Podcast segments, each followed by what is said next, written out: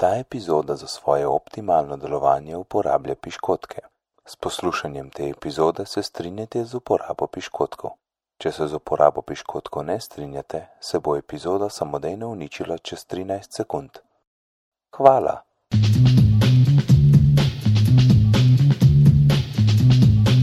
Dober dan in lepo pozdravljeni v 32. epizodo Bitnih pogovorov. Danes je 18. juni 2013, moje ime je Nejce Žorga Dulmin, z mano pa so še Alan Pepelko, Zdravo, Mark Bizil živijo. in Domen Savič. Potrjujem vse piškotke. V redu, se strinjaš, da ta podcast snemamo, ko snemamo podcast? Se strinjam s snemanjem podcasta med snemanjem podcasta. Ok, sej to je bilo itek, smo misli, implicitno že um, sprejeto, da sprejemaš. Da. ok, torej ja, nekaj moramo reči o teh piškotkih. Uh, 15. junija je direktiva prišla v veljavo tudi pri nas. Domen, kaj ne bi ta direktiva reševala, kaj, kaj, so, kaj, kaj je sploh problem bil tlele? Um, no, prvi problem je, je točno to, ne, ta 15.6. oziroma točno ta stavek, ki si ga ti rekel, da je direktiva stopila v veljavo, ker to tako zgleda, kot da so se v teh piškotkih odločili prejšnji teden in potem 15. dal ven. Ja, ja. V resnici se pa ta zadeva vleče že tri oziroma mogoče celo že štiri leta, najprej na, evropskem, mislim, na evropski ravni, potem v naši zakonodaji in potem v dejanski pač implementaciji. In ta prva stvar, ki je najbolj zanimiva, je točno to, da do takrat oziroma da do danes ni o tem noben nič vedel oziroma da je bilo v javnosti zelo malo znanga o tem. Mm. Uh, zelo malo ljudi se je ukvarjalo s, to, s tem komuniciranjem, zelo malo ljudi je v bistvu obveščal javnost, da prihaja direktiva in da, uh, oziroma prihaja pač ta zakonodaja, da je te paziti oziroma da je biti na njo pripravljeni in tako naprej. Zadnji teden je bilo pa tako, da so, ne vem, neke pekarne napovedale napad na Slovenijo in da zdaj se moramo braniti, če ne nas bodo s temi piškotki ubili. Um, in je to v bistvu um, ta prvi problem oziroma začetek tega problema. Um, direktiva o, o piškotkih oziroma cookie directive v bistvu ne dela nič drugega, kot skuša vnesti malo regulacije v področje sledenja uporabnikov s cookie oziroma s temi piškotki. Zelo neposrečen izraz. Um, cookie so v bistvu če gledamo zdaj to klasično novinarsko definicijo, ne, neke mehne tekstovne datoteke, v katere spletna mesta oziroma CMS-ji zapisujejo lastnosti uporabnikov.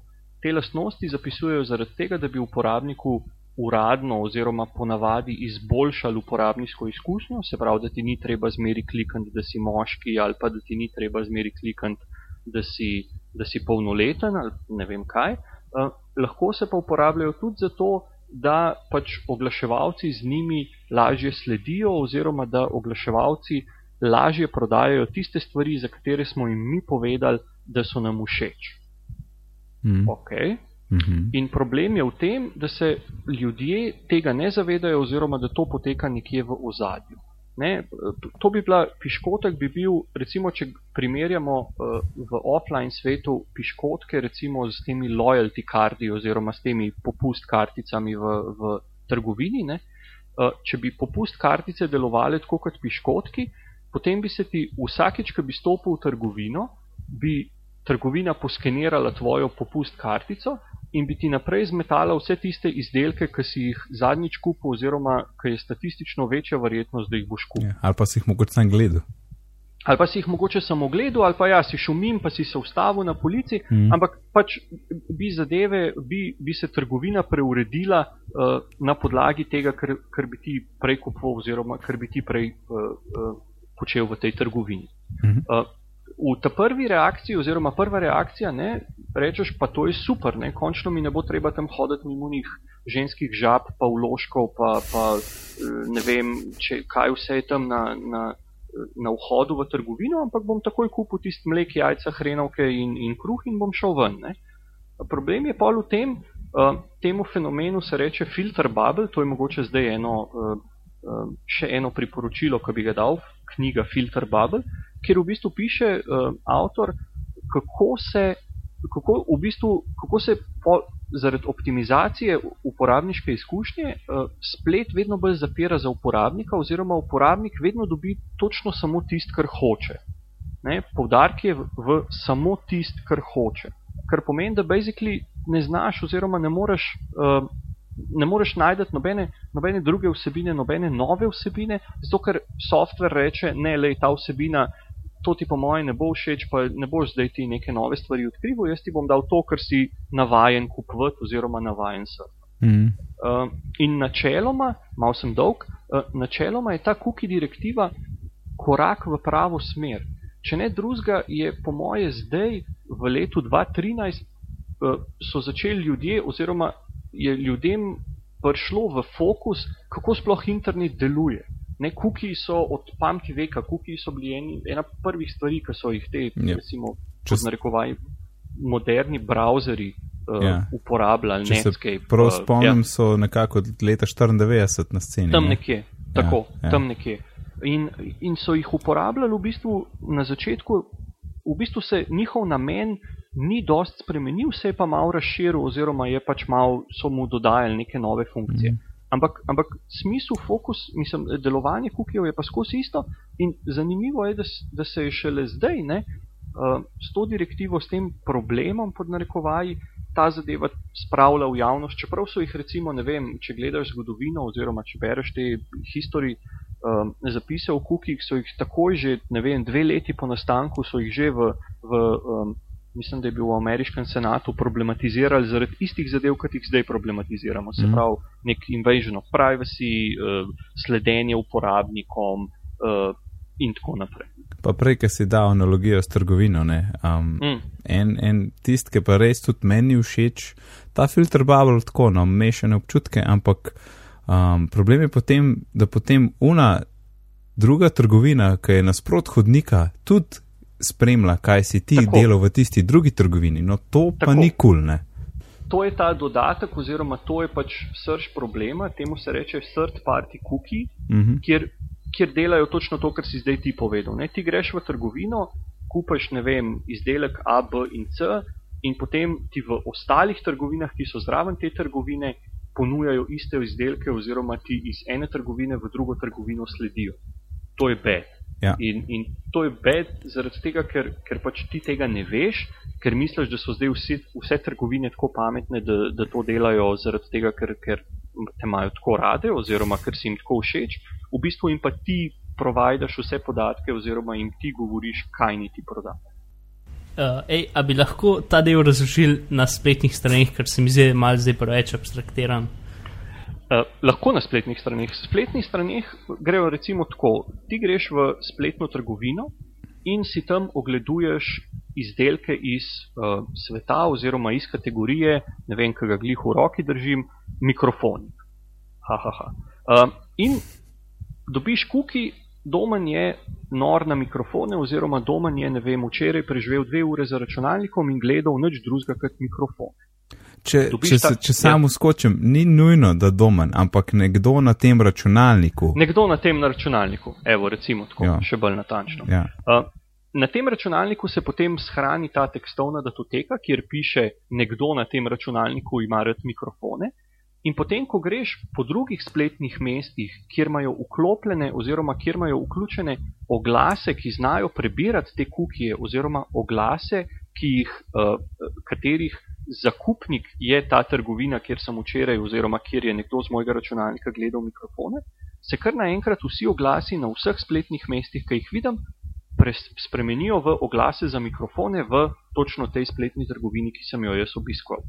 In ker se mi pač te oglasi prikazujejo konstantno, oziroma ker je pač moč uh, priklica toliko močnejša, zaradi tega, ker skozi videvam iste oglase za isti izdelek, je večja verjetnost, da bom to kupil, oziroma da ne bom videl drugih oglasov, ki bi me mogoče pa prav tako zanimali, ampak zaradi tega, ker pač nimam tega kukija zapisanega na svojem računalniku, jih ne bom videl.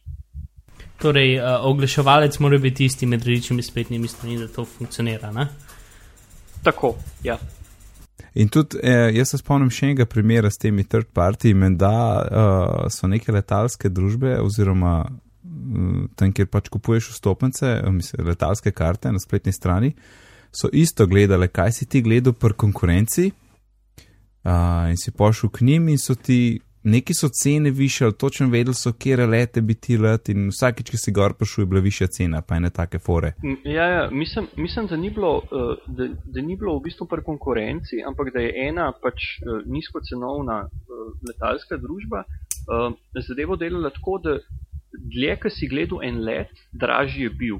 Mhm. Oziroma, prišel si v ponedeljek na spletno stran in si gledal let, ne vem, Ljubljana, London in je bil tam let, ne vem, 50 funtov pa nisi kupil yeah. Ja. karte. Si pa dubu ta kuki, da si gledal v ponedeljek uh, mm. ta let. Potem si prišel v torek in je bila isti let, isti sedež, isto vse, je bila cena za 10% mm. višja.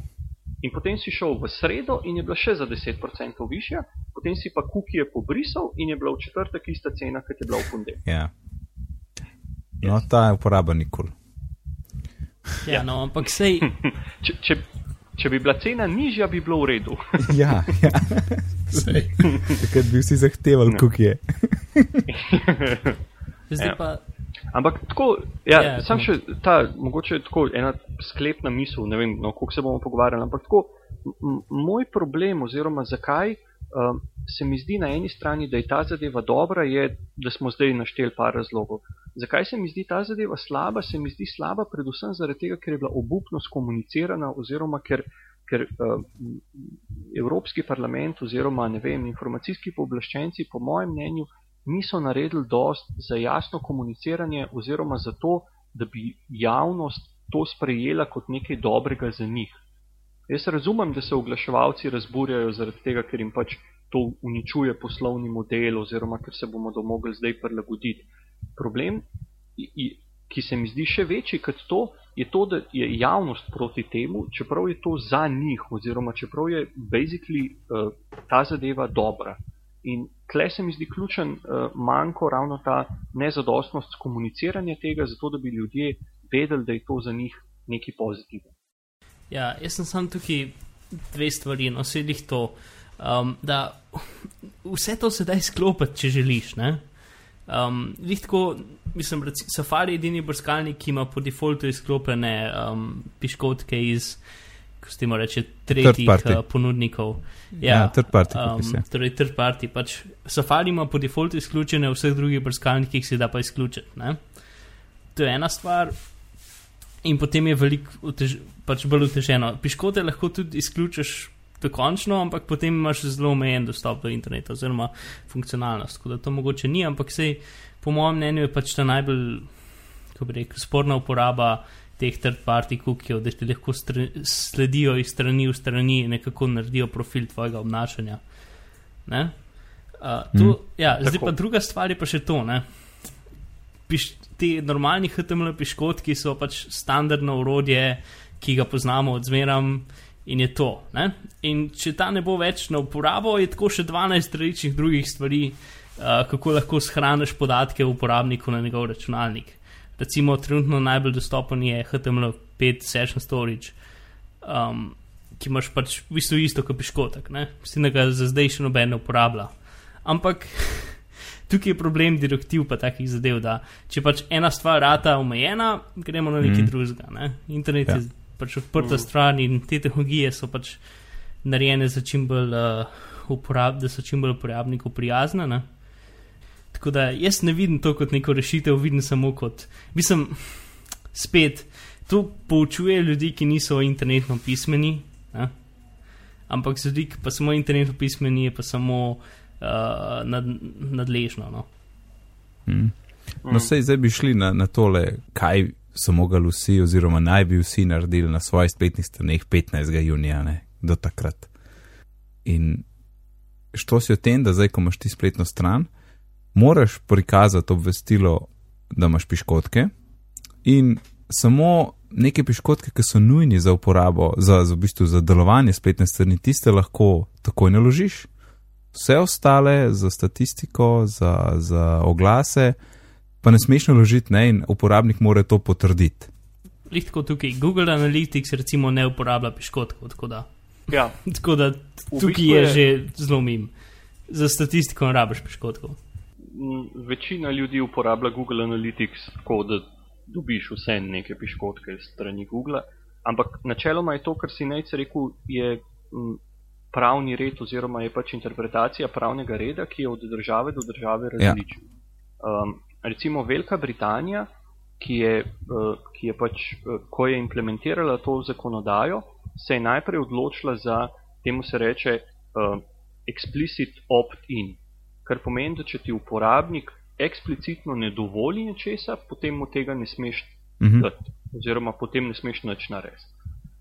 Potem so, ne vem, v kolkem času, mislim, da po enem letu ali nekaj tasga, ugotovili, da, da ta zadeva pa mogoče ni tako dobra, oziroma so prišli na model, ki se mu reče implicit, uh, uh, implicit consent, uh, kar pomeni, da ne, če greš zdaj na ne vem, spletne strani oziroma spletna mesta uh, britanskega imperija, uh, vidiš tam v bistvu obvestilo, hej, če boš tle klikal, ti bomo servirali piškotke, to je to, hvala lepa in nasvidenje.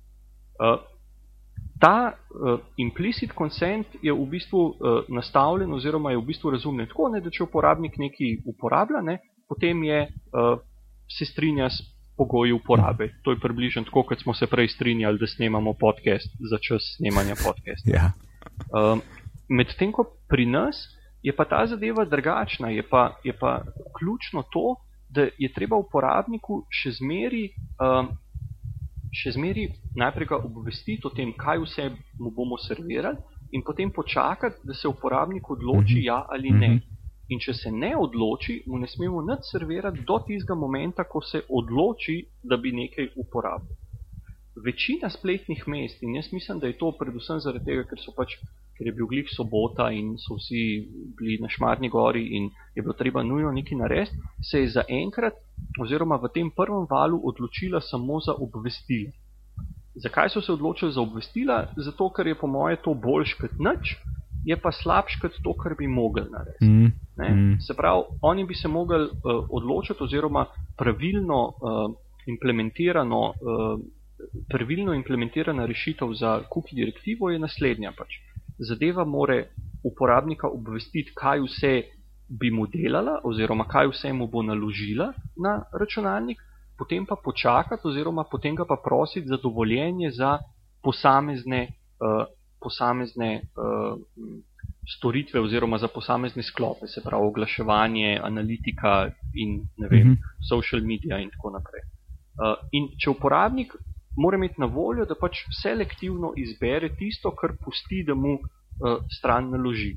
Se pravi, zbere, ne vem, analitika, ja, uh, ne vem, uh, social media, ja, ne pustim pa oglaševanja oziroma ne pustim pa kukijev, ki so povezani z oglaševanjem in spletno mesto mora to spoštovati. Ja, ja ampak kakšen je bil pa zdaj efekt, ne, dejansko? Uh, na tistih, ki so imeli ta, to urejeno tako, kot bi mogli, da, da imajo eksplicitno, torej da more uporabnik potrditi. Kot, kot, ja.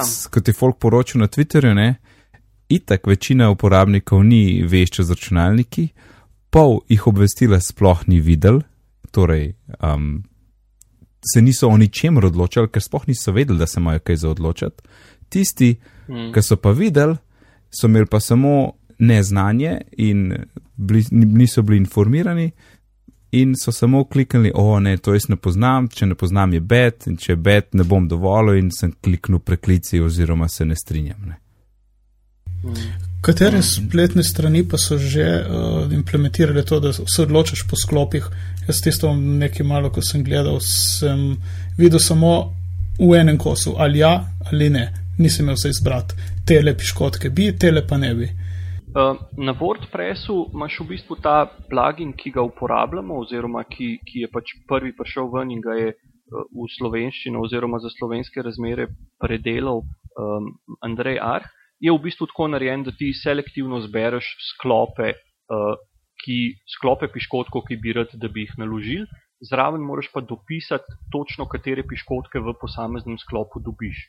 Se pravi, ne vem, za, za Google Analytics, UTM, AB, ne vem, Z, za ne vem, Facebook, dva iz Facebooka, za Twitter, dva iz Twitterja in tako naprej. Mm. Uh, zdaj za ta večja spletna mesta če greš recimo pogledat, ne vem zdaj, ja bomo reklamo delali, ampak tega glih gledam, greš pogledat na dnevnik.si, uh, vidiš, da imaš v bistvu uh, pravilno navedene pač vse piškotke in koliko časa, uh, koliko časa bo en piškotek ostal na tvojem računalniku, če ga ne boš na roko pobrisal.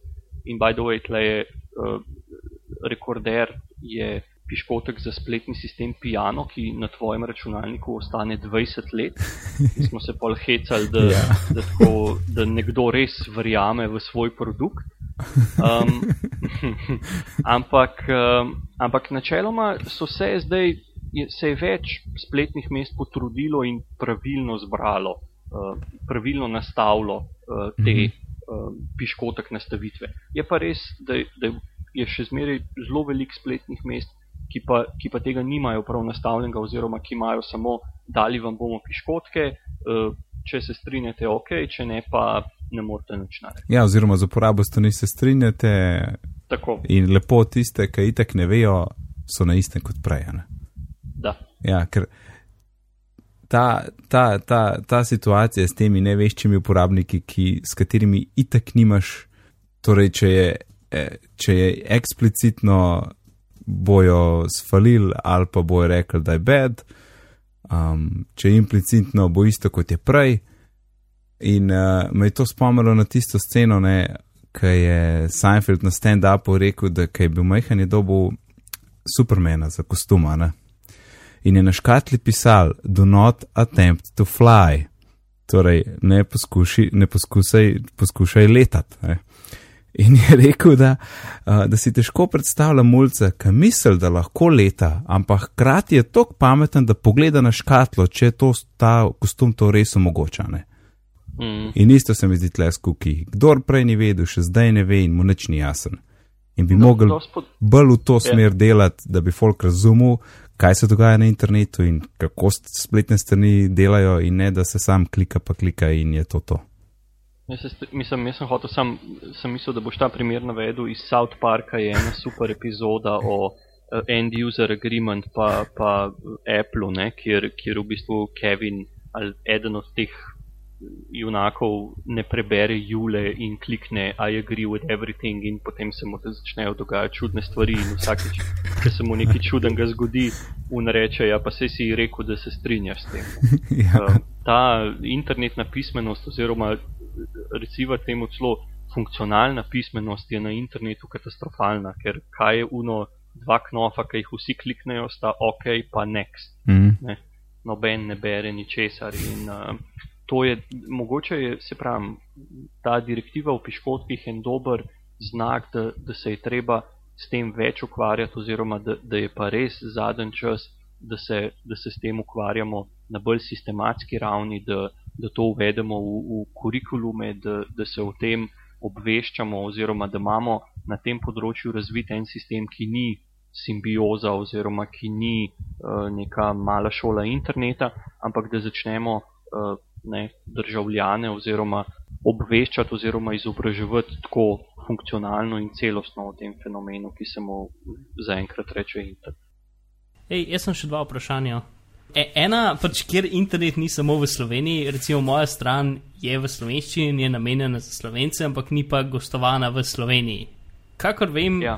ne, ne daje nobenih uh, piškotov, um, ampak če bi jih, kaj zdaj moja. Uh, um, kaj jaz moram narediti? Uh, jaz mislim, da je, da kje gostuješ, da to nima veze uh, z lastništvom, uh, oziroma z, ja, z lastništvom spletnega mesta.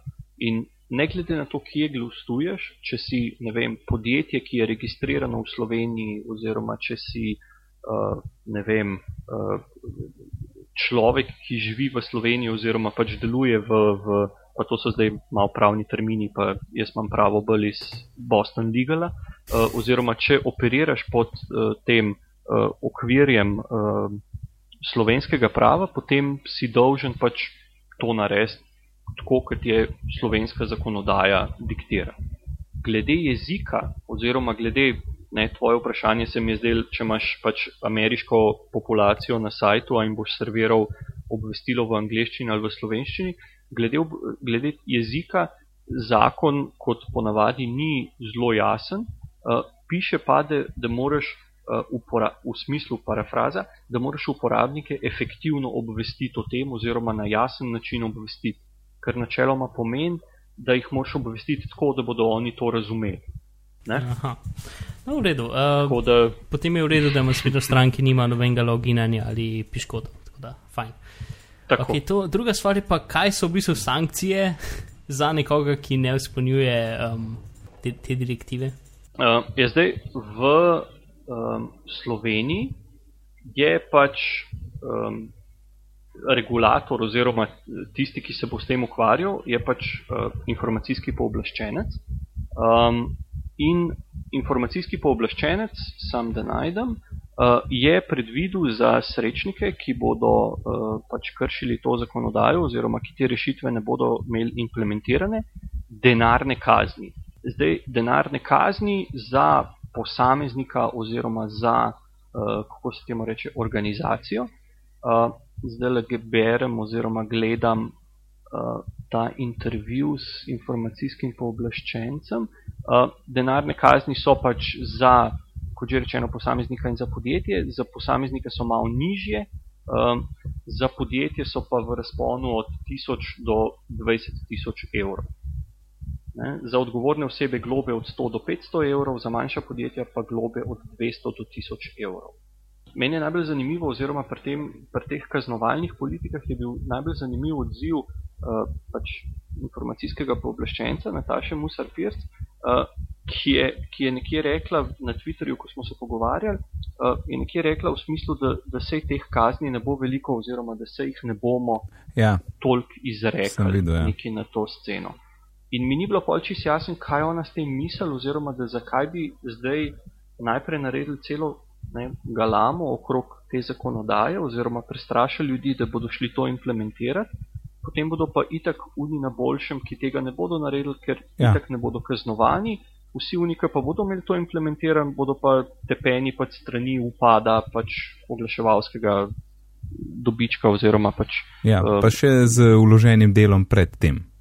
Pa še stroški implementacije. Tako, ja. tako da jaz upam, da mislim jaz upam, da se bomo o tem še veliko pogovarjali, oziroma da se bo pač tudi, kot že rečeno, komuniciranje te direktive uh, bolj jasno, bolj transparentno, pa bolj celostno dogajalo, zato ker tle se mi zdi, da je res največji problem. No? Uh, da, da, da je bila pač ta zadeva obupno skomunicirana in mm. da, da so se pač vsi držali svojega čovna do, do zadnjega momenta in upali, da se bo ne vem kaj zgodil, da, da pač do te implementacije ne bo prišlo ali nekaj tasga.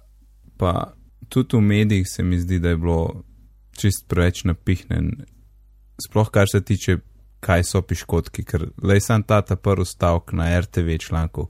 Kar osebna izkaznica pomeni v življenju državljana v spletnih prostranstvih, predstavlja piškotek. Mm. Mm. Da, eno. E, Je to, to pa vidiš, za, za koliko velike budale imajo, uh, imajo pač mediji uh, uporabnike, oziroma za koliko velike budale imajo mediji ljudi, ki te medije konzumirajo, ali pa koliko velike budale so mediji sami, da tega ne znajo drugače razložiti kot in Mark, da je zdaj potem to z jajci in z ne, piškoti iz testa. Uh, povej, uh, da pač ne znajo tega razložiti drugače, ker da grejo na res neko tako plastično zadevo, da v bistvu je ne moš niti reciklirati.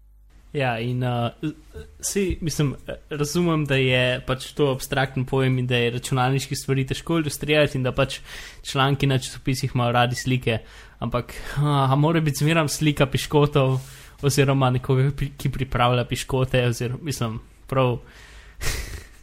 mislim, tak kliše je kot uno, ko, ko, um, ko, ko rečeš internet, moraš zraven sliko globusa ne? ali pa počevalnega stekla. Um, ne počevalno steklo je za srč. Ja. Ja, disketa je za shrani. Tu, ja, tudi, ja, ali pa nekakšne streljce, ali pa kitazga za internet, pa seveda oblaki za, tudi za internet. Pa, surf, pa surferja.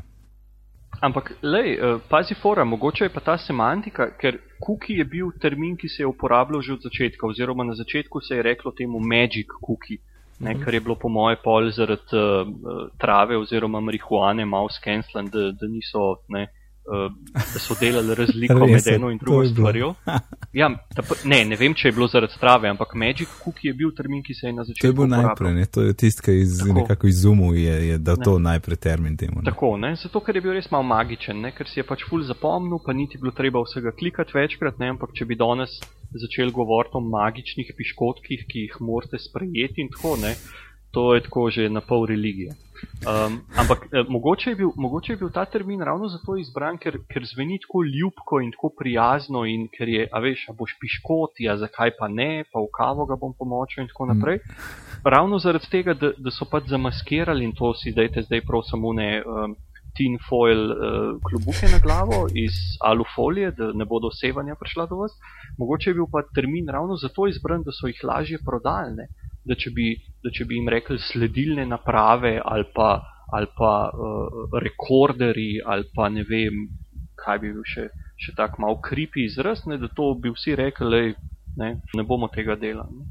Uh, ta kuki je pa tako, pa zakaj pa ne, pa še en piškotek, pa v redu je, pa vse so dobri. pa tako.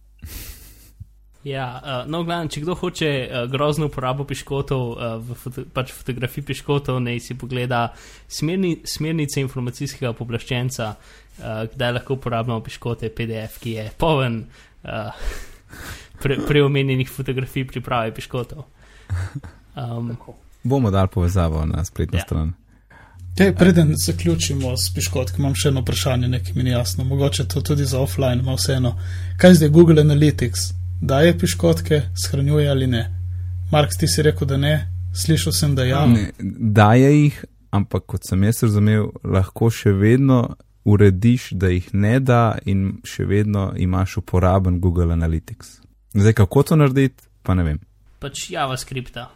Uh, ja, si, če, če, če kakšen oglaševalec, kakšen rahlo zloben oglaševalec posluša, jaz bi si pogledal. Um, Jaz bi si pogledal Local Shared Objects pa HTML5 Session Storage kot alternative za piškotke. Ja, Uh, no, čez, čez uh, sedem let se slišimo na epizodi 13.000, ko govorimo o tem, kako urediti session za HTML5. Tako je. Ja, ej, še nekaj sem hotel dodati. Ne? A na tle je full ta pomp, joj, kuki, gor dol, a ne? ampak a veš, jaz sem vsak dan največ na Gmailu, pa na Googlu, pa na Facebooku, kjer ni nič od tega in kjer imam največ osebnih stvari. in kjer oni najbolj analizirajo tvoje osebne podatke.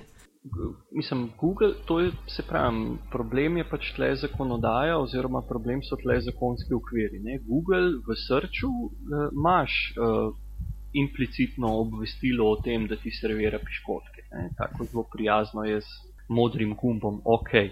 Ampak ravno ta. Ravno te pravni okviri oziroma pravo na internetu je ena od tem, ki, ki niti približen ni dorasla, če rečem temu samim sebi, ne? Mm. Zato, ker v bistvu se, se vedno srečujejo s problemi, kot so ne, veljavnost in vpliv in domet in kaj zdaj to pomeni za me, kaj zdaj to pomeni za mojega soseda in tako naprej. Ne. In tle se bomo po mojem še veliko pogovarjali in, in valjda, hvala Bogu, prav je tako. Je pa, bo pa zanimivo, no, kdaj, bomo, kdaj bomo prišli na zeleno vejo v tem smislu, da, da ne bomo interneta zmeri primerjali z nečim, kar je bilo prej.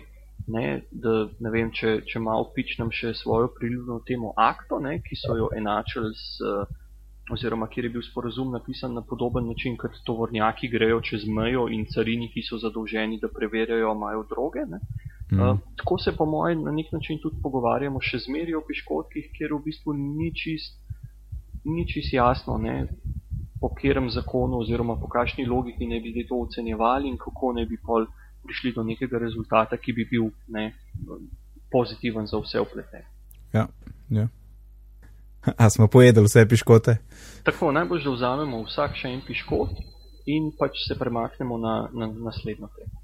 V redu, pa pa skočimo zdaj kar na, na iOS 7.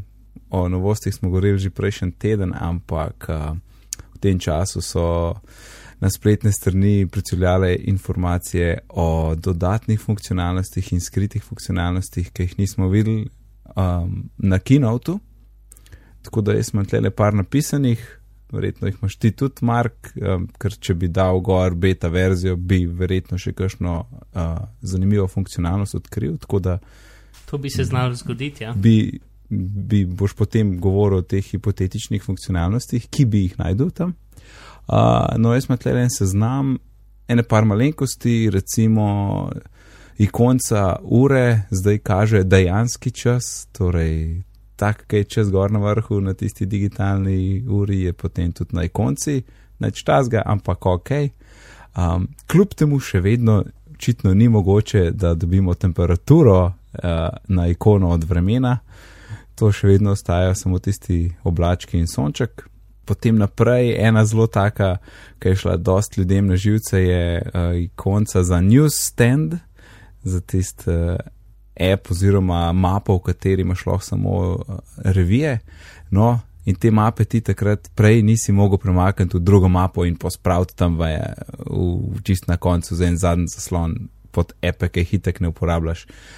Ampak to se je zdaj spremenil, newsstand lahko premakneš v mapo in tisto mapo imenuješ šara in premakneš na zadnji zaslon. Tako da, jej.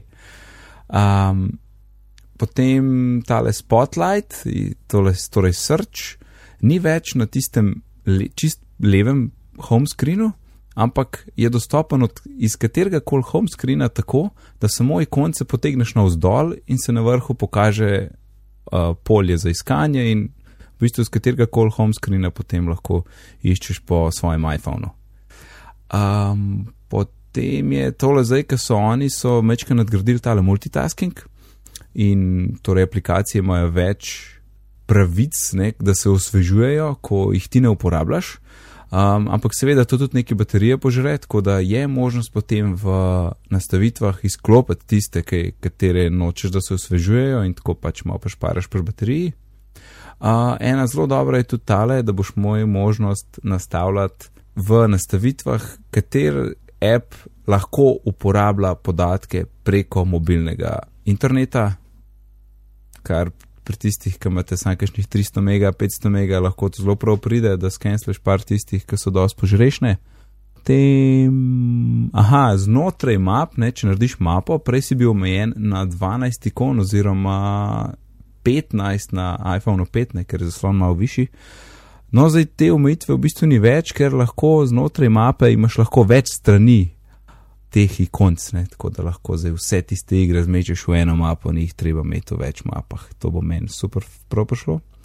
Če še nimaš kreditne kartice in kupuješ iTunes gift karde, lahko zdaj eh, tisto redim kodo poskeniraš s kamero, niti je treba pretipkvat.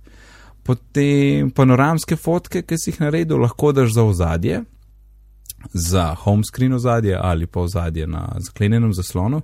In potem, ko telefon premikaš levo, desno, se tako premika slika po panoramski fotki levo-desno, tako pač. Cool efekt.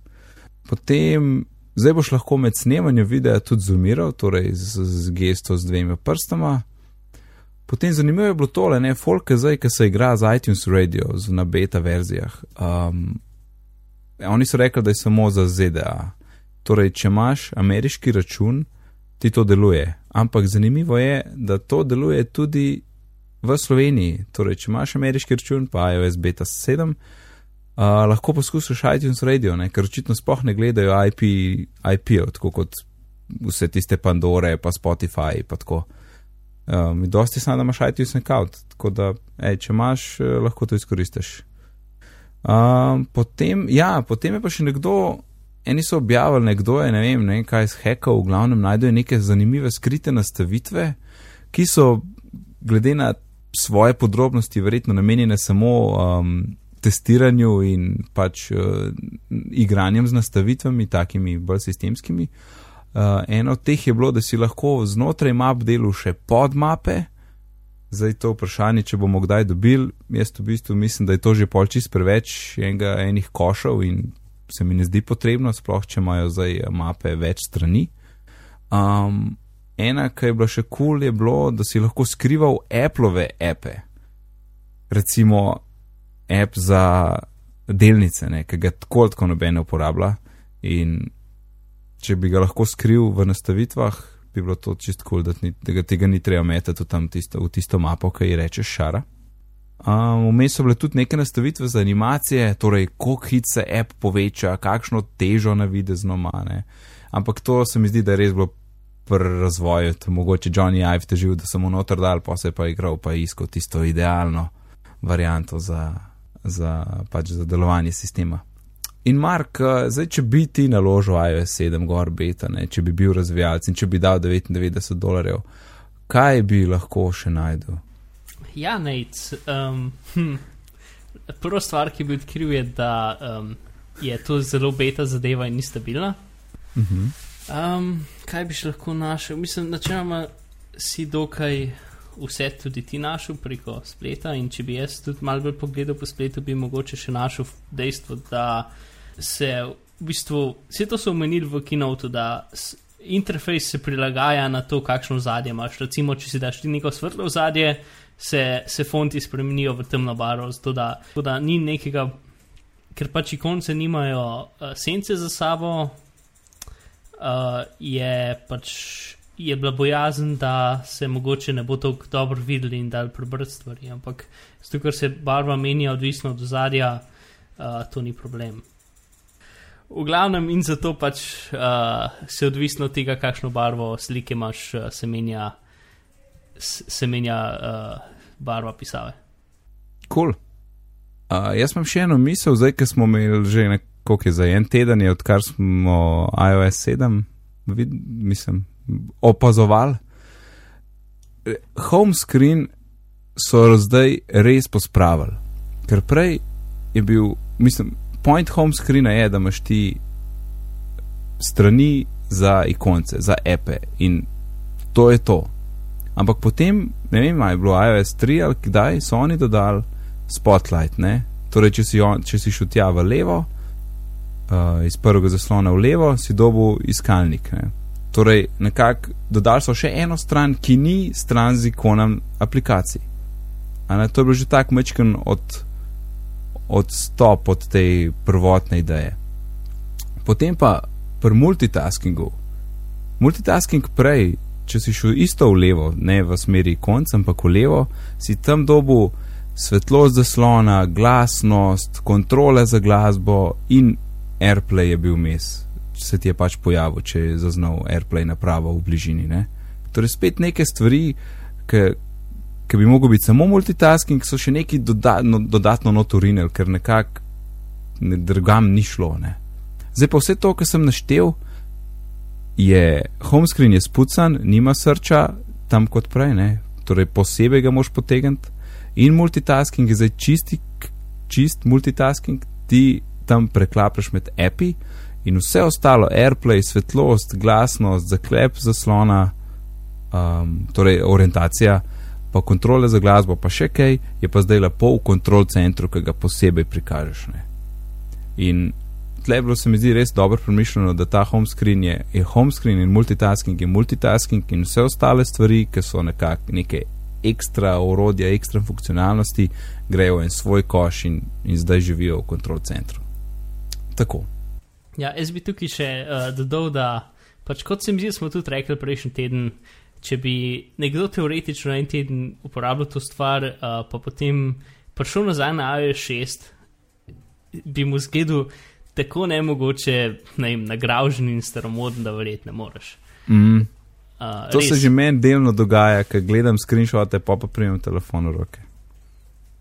Ja, mislim, tudi kjerkoli čudne odločitve si jih navadiš, mislim, čudne, pač na prvi pogled čudne odločitve si jih navadiš in so čisto logične. Mislim, pač, ok, kakšni konci so mal taki, ampak jaz tako tak večinoma uporabljam druge.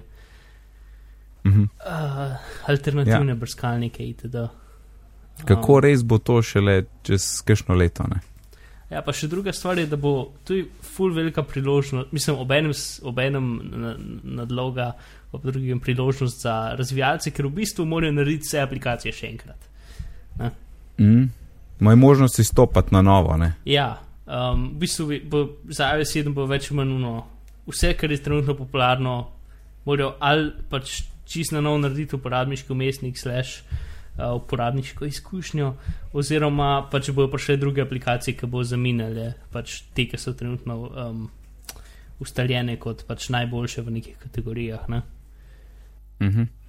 Ok, zdaj pa kar najbolj da skočimo priporočila, ker eh, čas je denar, oziroma pri meni to pomeni čas je čas, ki ga bom porabil za rezanje tega podcasta. In uh, Mark, ali pa ne, dajmo domno prednost, ki je, je gost. Domen, kaj nam priporočaš? Tako malo ste me presenetili s temi priporočili. Jaz se v tem digitalnem svetu, kar se tega tiče, ful ne znajdem, zato ker sem tako old timer, pa berem še knjige na papirju, pa uno pa tretje. In, in itak imam tako pač aplikacije, najdel, ker imam aplikacijo, je ne vem, Facebook pa Twitter, oziroma imam telefon bolj za who is calling me on my Twitter device. Um, ampak um, za priporočilo bi pa mogoče dal, glede na to, da se danes nismo pogovarjali o, o NSA-ju oziroma o tem, da eh, nismo v tem programu trije, ampak štirje oziroma pet.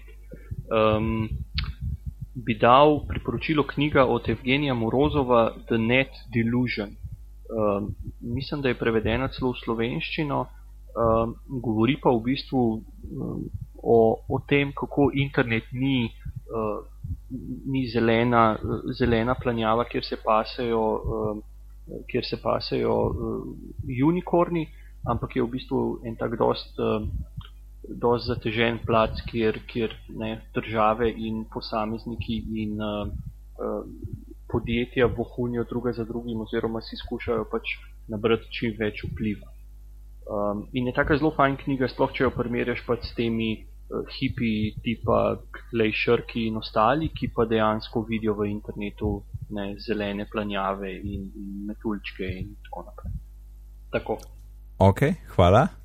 Alan. No, jaz imam pa tokrat film, že ki sem jih pobral priporočilo. Že drugič. okay. uh, gre pa za film, je sicer zdaj že malo star, šest let skoraj, The Man from Earth scenarij je napisal, kdo bo zdaj to izgovoril, Jerome Bixby, to je pač en pisec, je tudi nekaj klasičnih uh, epizod Zvezdnih stez in Zone Somraka napisal. Uh, gre za njegov vem, zadnje delo, če se prav spomnim. In uh, film je znanstvena fantastika, s tem, da nima niti enega specialnega efekta. Uh, zadeva se dogaja vse v dnevni sobi profesorja, ki zapušča uh, univerzo, pa se seli in te njegovi kolegi naredijo tako eno uh, zabavo, pres, presenečenje zabavo, pridejo k njemu in potem se pogovarjajo. In pogovor v bistvu je cel film. Bolj zgleda, kot ena gledališka predstava, ampak vem, vsaj meni sem prav užival v uh, načinu, kako se pogovarjajo, kako argumentirajo ene zadeve, dvomi, uh, taki prav skeptični pristop, pa kako brez dokazov ne morejo biti sigurni skoraj v nič. Uh, tako, zelo dobro. Uh, ena zanimiva stvar z, od tega filma je, da so uh, v bistvu producenti javno uh, se zahvalili vsem ljudem, ki so ta film uh, delili po uh, internetu. Peer ja. po internetu so se zahvalili, so rekli hvala, to zdaj nas bo več, zdaj bo več ljudi lahko videlo ta film in so podprli to zadevo. So bo sicer pozvali, no zdaj pa, pa če lahko ga kupite ali kaj tako, ampak. Hmm, če vam je bil všeč, ja. ne, ga pa kupite. Ja. Ja. Tako, priporočena, kol cool, uh, intelektualna znanstvena fantastika. Cool. Gospod Mark. Ja, jaz sem pa um, eno aplikacijo za iPhone uh, in sicer fotoaparat, mislim, fotoaplikacijo, kaj pa vem, ki se imenuje Camera Noir. Um, in sicer vse, kar dela, je, da, dela, uh, da, da slika črno-bele fotografije. Jep. in to je celotna funkcionalnost. Ampak slika zelo dobre črno-bele fotografije, ima tak pač svoj lasten. Uh, črno-bel, tako imenovane low-key, torej, ki so črno, črne, zelo kontrastne, pa črne barve so bolj po, temne barve so bolj podarjene, filter in potem imaš tri nastavitve, uh, svetlejše, srednjo in temnejše, in narediš fotko in jo deliš, in to je to. Zelo preprosta aplikacija, um, zelo, um, taka, pa še lepo na iOS 7 uh, home screen in uh, je fajn. Si videl In- preferendo, ne kako zgleda. Ja, točno tako. Uh -huh, uh -huh. Um, Ja, se strinjam, app, app je the best in, uh, in nisem bil nek fan črno-belih, ampak pa sem videl par samplov, pa ti si objavil, pa sem rekel, ok, to pa moram probati in kar sem jih naredil, pa itek sem jih full probal, pa različne svetlosti, pa tone in uh, lahko dobiš res, res dobre rezultate ven. pač super preprosto zdaj. Tisto, kar je v bistvu skrivnost tega, je, da v bistvu fotke niso črno-bele. ne. Mhm. Um, ampak da so svetli deli, grejo malo na rumeno in temnin, malo na vijolično, se mi zdi modro vijolično in stopal piše tak rahlo drugačen pri, pregled. V glavnem, zelo fajn, stane 2 evra od iz, moje najljubše um, vem, design firme Pacific Helm, uh, bla bla bla, super, uh, Camera Noir. Ok. In Nate, Ja, hvala, Mark. Um, jaz imam pa en, en app, en tak urodje za Windows. Ampak što se tem, da jaz na Macu in iPhonu uporabljam Text Expander, ki je en tak urodje za, torej, za vse tiste stvari, ki jih moš večkrat napisati, pa ki so že nadležne zapisati, da jih ti spraviš tam v neko kodo. Recimo, jaz sem napisan HLP, In ko jaz v mailu napišem HLP, se to meni spremeni v hvala in lepo zdrav, nec. Ne? Torej, ni mi treba pisati tega. In pa recimo za, za maile, za podpise, a, ne vem, za davčno številko od firme, pač par takih stvari sem noter dal. No, in imam tudi na iPhonu. Uh, in zadeva je sinhronizirana prek Dropboxa, samo tam eno datoteko je treba tja shraniti in se, se aplikaciji posinkata. In Zdaj pa problem, ne, zdaj na šihtu sem pa jaz na Windowsih in tam ni tekst expanderja, ne, in sem gledal, obstaja kakšna alternativa. Tudi če bo mogel na roke par stvari skopirati, sam da bi imel nekaj podobnega, tudi če bo bolj omejeno. No, in sem najdel Phrase Express in je brezplačen app, ki zna tudi brati tekst expander file ven iz Dropboxa. Kar je največji plus, ker ni treba še enkrat pisati teh zadev in še enkrat kodirati tistih znakcev in tako. Um, torej, dobiš vse tiste snipete, ne vem, kako je to po slovenski, vse te doma, doma, doma prevod, snipet, izrezek. Izresek, evo. izrezek. Vse tiste izrezke dobiš na Windows. Je pa seveda en minus, ker uh, očitno te izrezke od tekst expanderja on malo drugače tretira kot svoje. Uh, kar pomeni, da ko ti natipkaš tisto, svoj, tisto svojo kombinacijo znakov, ki ne bi nekaj naredila, se takrat nič ne zgodi. In se zgodi šele, ko daš presledek. Torej moram na šihtu pisati HLP presledek in pol naenkrat se vse skupaj spremeni. Hvala in lepo zdrav nec. Uh, torej to je minus, Mislim- ampak, ampak sinhronizacija je pa tisti plus, ki pač je vse me, me pustil tle zraven in, in da app uporabljam. In kaj si mislil, Alan? Če se prav spomnim, imaš za vsako to frazo, za vsako kombinacijo tipk uh, v Phrase Expressu za naštimati ali, ali jo izvrši takoj ali šele ko ti pritisneš uh, Space ali Enter. Tako da mogoče preglej, bi znal imeti. Uh, Um, se, se strinjam s tem, kar si povedal, ampak to meni ne deluje. Meni deluje samo na Aha. Okay. Zdaj pa, če tebi deluje, pa moram pa še malo raziskati. Uh, ne vem, ker nimam uh, tekst expanderja še, imam pač samo Phrase Express in uh, tam dela. Tako, Ja, ja, ja, to sem videl. Če, da, če Ja. daš ti v, v Phrase Express file te uh, izrezke, kaj smo rekli to, ja, uh, potem dela, ja, ampak pa bere ven iz Dropboxa, pa pa ne. aha, Je v text expander, tam je pa presledek, ampak ok, ni tak minus, da ne bi uporabljal, ker vse je taka prednost, da risk benefit je full dobro. ja. Ok, dajmo zapakirati 32. epizodo, lepo smo na 59 minuti, čeprav bomo malo še zrezali. Um, hvala, Alan, Domen in Mark. Alan, kje te lahko najdemo? Uh, Pepelko.co in pa na Twitterju afnalem pepelko. To to. Hvala, gospod Domen. E, mene nočete najdete, če bom imel problem z vami, vas bom najdel sam. Sicer boste pa dobili uh, Twitter link na, na spletni strani od Bitnih. Um, in gospod Mark. Tem kot vedno, um, Bizmar, Bizmar.si v svojo najljubšo iskalno škatlo napišete Bizmar ali Mark Pisil, uh, piškotki, piškotki so dobra stvar, njam, njam, njam. Ok. Ok, hvala. No, moje ime je pa Najc, na Twitterju me najdete pod oddelkom Najc.d, sicer se profesionalno ukvarjam z izobraževanjem, gradim e-tečaje in pišem tudi za jaboko.org. Vse, kar smo danes omenili, boste najdel na bitni.dolmin.si, na Twitterju smo bitni pogovori, e-mail je pa bitni pogovori afne.gmail.com. Lepo se imejte do naslednjič, poskusite se ohladiti in lep pozdrav. Čau, čau. Adijo. Čau.